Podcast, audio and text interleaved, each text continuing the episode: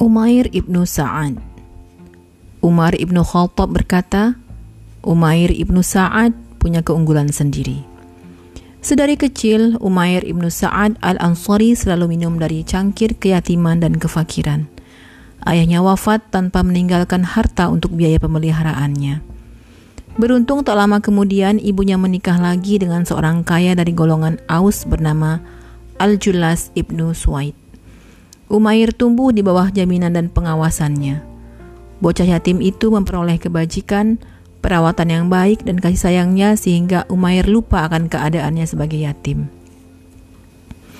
Umair mencintai Julas seperti kecintaan seorang anak kepada ayah kandungnya. Sebaliknya, Julas juga mencintai Umair dengan kecintaan seorang ayah terhadap anaknya sendiri. Semakin besar Umair, semakin sayang dan kagum ayah tirinya itu kepadanya. Sebab dalam diri Umair tampak tanda-tanda kecerdasan, sifat kecekatan dalam bekerja, jujur dan amanah dalam sikapnya. Umair ibnu Sa'ad memeluk Islam sejak belum lagi berusia 10 tahun.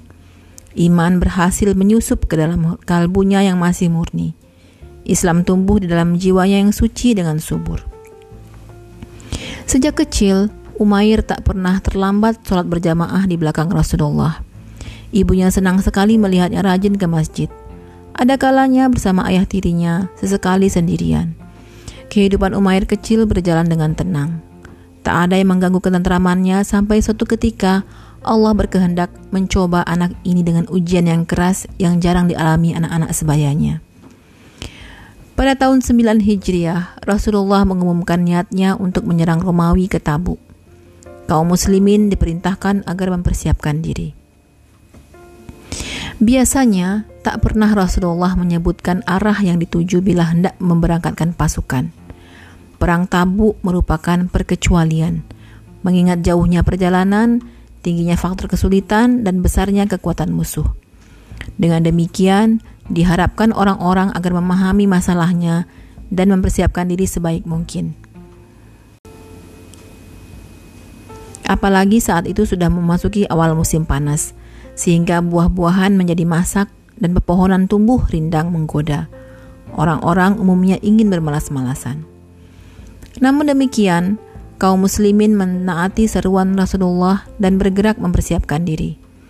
Hanya beberapa kelompok munafikin yang sibuk ke sana kemari mematahkan semangat dan menebarkan syak wasyangka.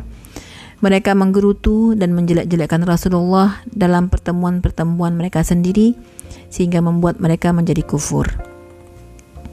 Sehari sebelum keberangkatan pasukan, Umair kecil pulang ke rumahnya seusai menunaikan sholat di masjid. Semangatnya bergelora menyaksikan partisipasi kaum muslimin dalam mempersiapkan perang. Dia menyaksikan wanita-wanita muhajirin dan ansor datang kepada Rasulullah lalu melepas gelang dan anting-anting untuk membiayai pasukan. Dia melihat Utsman ibnu Affan datang dengan kantung penuh berisi seribu dinar emas.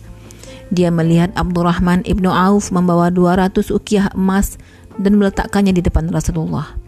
Bahkan dia melihat juga seorang menawarkan ranjang tidurnya demi untuk membeli pedang.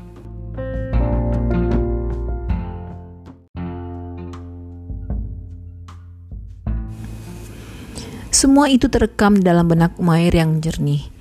Dia heran dan cemas melihat ayah tirinya bersikap masa bodoh dan sibuk dengan dirinya sendiri. Padahal dia memiliki kekayaan maupun kemampuan. Ingin sekali Umair membangkitkan semangat ayahnya dan mengobarkan fanatisme terhadap Islam dan jihad. Dengan berapi-api diceritakannya segala yang didengar dan dilihatnya.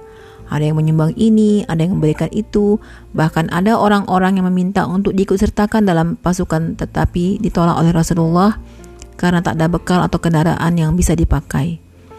Orang-orang itu pulang sambil menangis karena merasa tak punya jalan untuk mencari syahadah. Akan halnya Julas, Mendengar kisah Umair itu bukannya tergugah, melainkan justru marah. Dari mulutnya keluar kata-kata yang membuat Umair kecil mukmin itu nyaris pingsan. Kalau Muhammad benar-benar seorang nabi, maka kita lebih hina daripada binatang, begitu katanya. Umair benar-benar terguncang. Serasa tak percaya bahwa dalam usia yang sudah lanjut itu, Julas mengucapkan kata-kata yang mengeluarkan yang mengeluarkan dari, mengeluarkannya dari iman dan memasukkan ke dalam jurang kekufuran. Akal sehat Umair segera berputar. Dia berpikir tentang apa yang sebaiknya dilakukan. Bila kata-kata Julas itu didiamkan atau disembunyikan, berarti dia khianat terhadap Allah dan Rasulnya.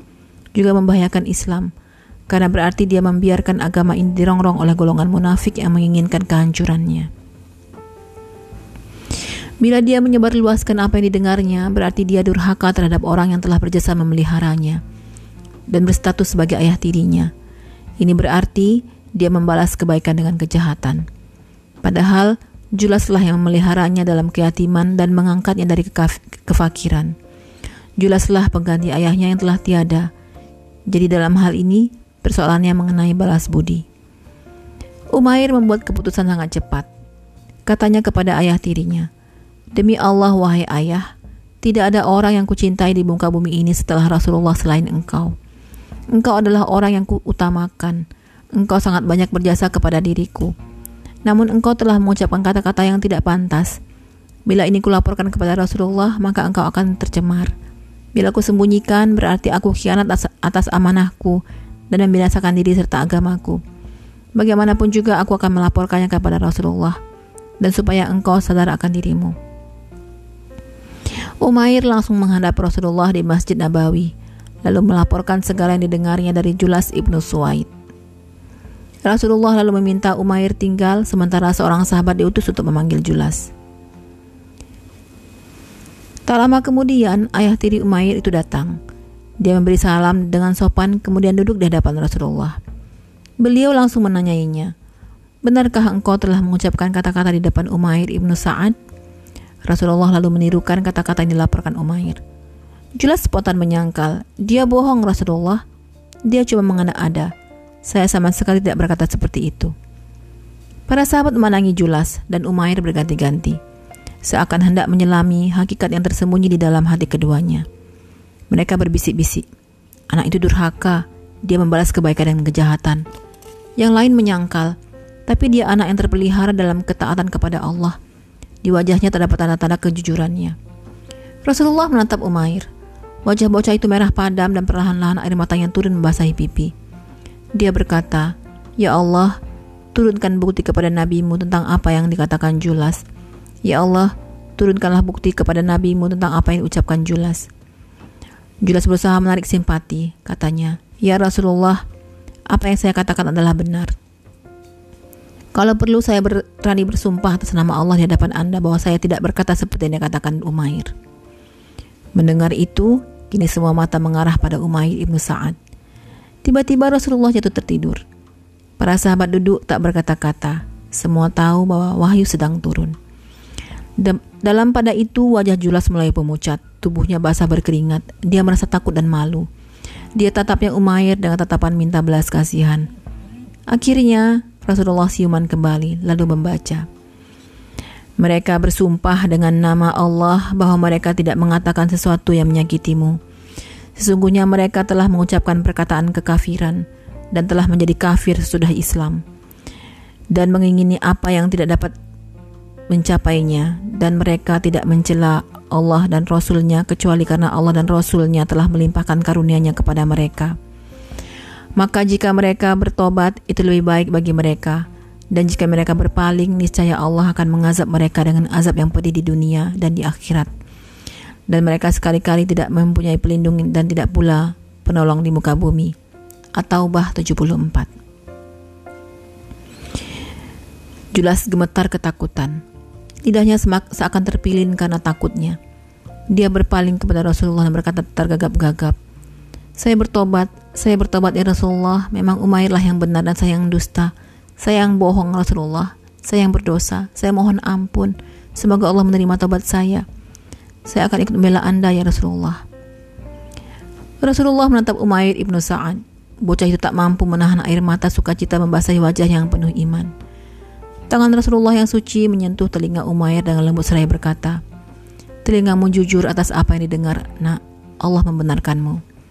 Sejak itu, Julas kembali ke dalam naungan Islam dan menjadi seorang muslim yang baik. Para sahabat juga menyaksikan kebajikannya kepada anak tirinya, Umair. Bila teringat akan anak itu, dia berkata, Allah melimpahkan kebaikan kepadanya. Dia telah menyelamatkanku dari kufuran dan api neraka. Ini bukan satu-satunya gambaran indah dari kehidupan sahabat Umair ibnu Sa'ad. Sepanjang hidupnya, dia mengalami banyak peristiwa yang menakjubkan. Mari kita masuki babak kehidupannya setelah dewasa.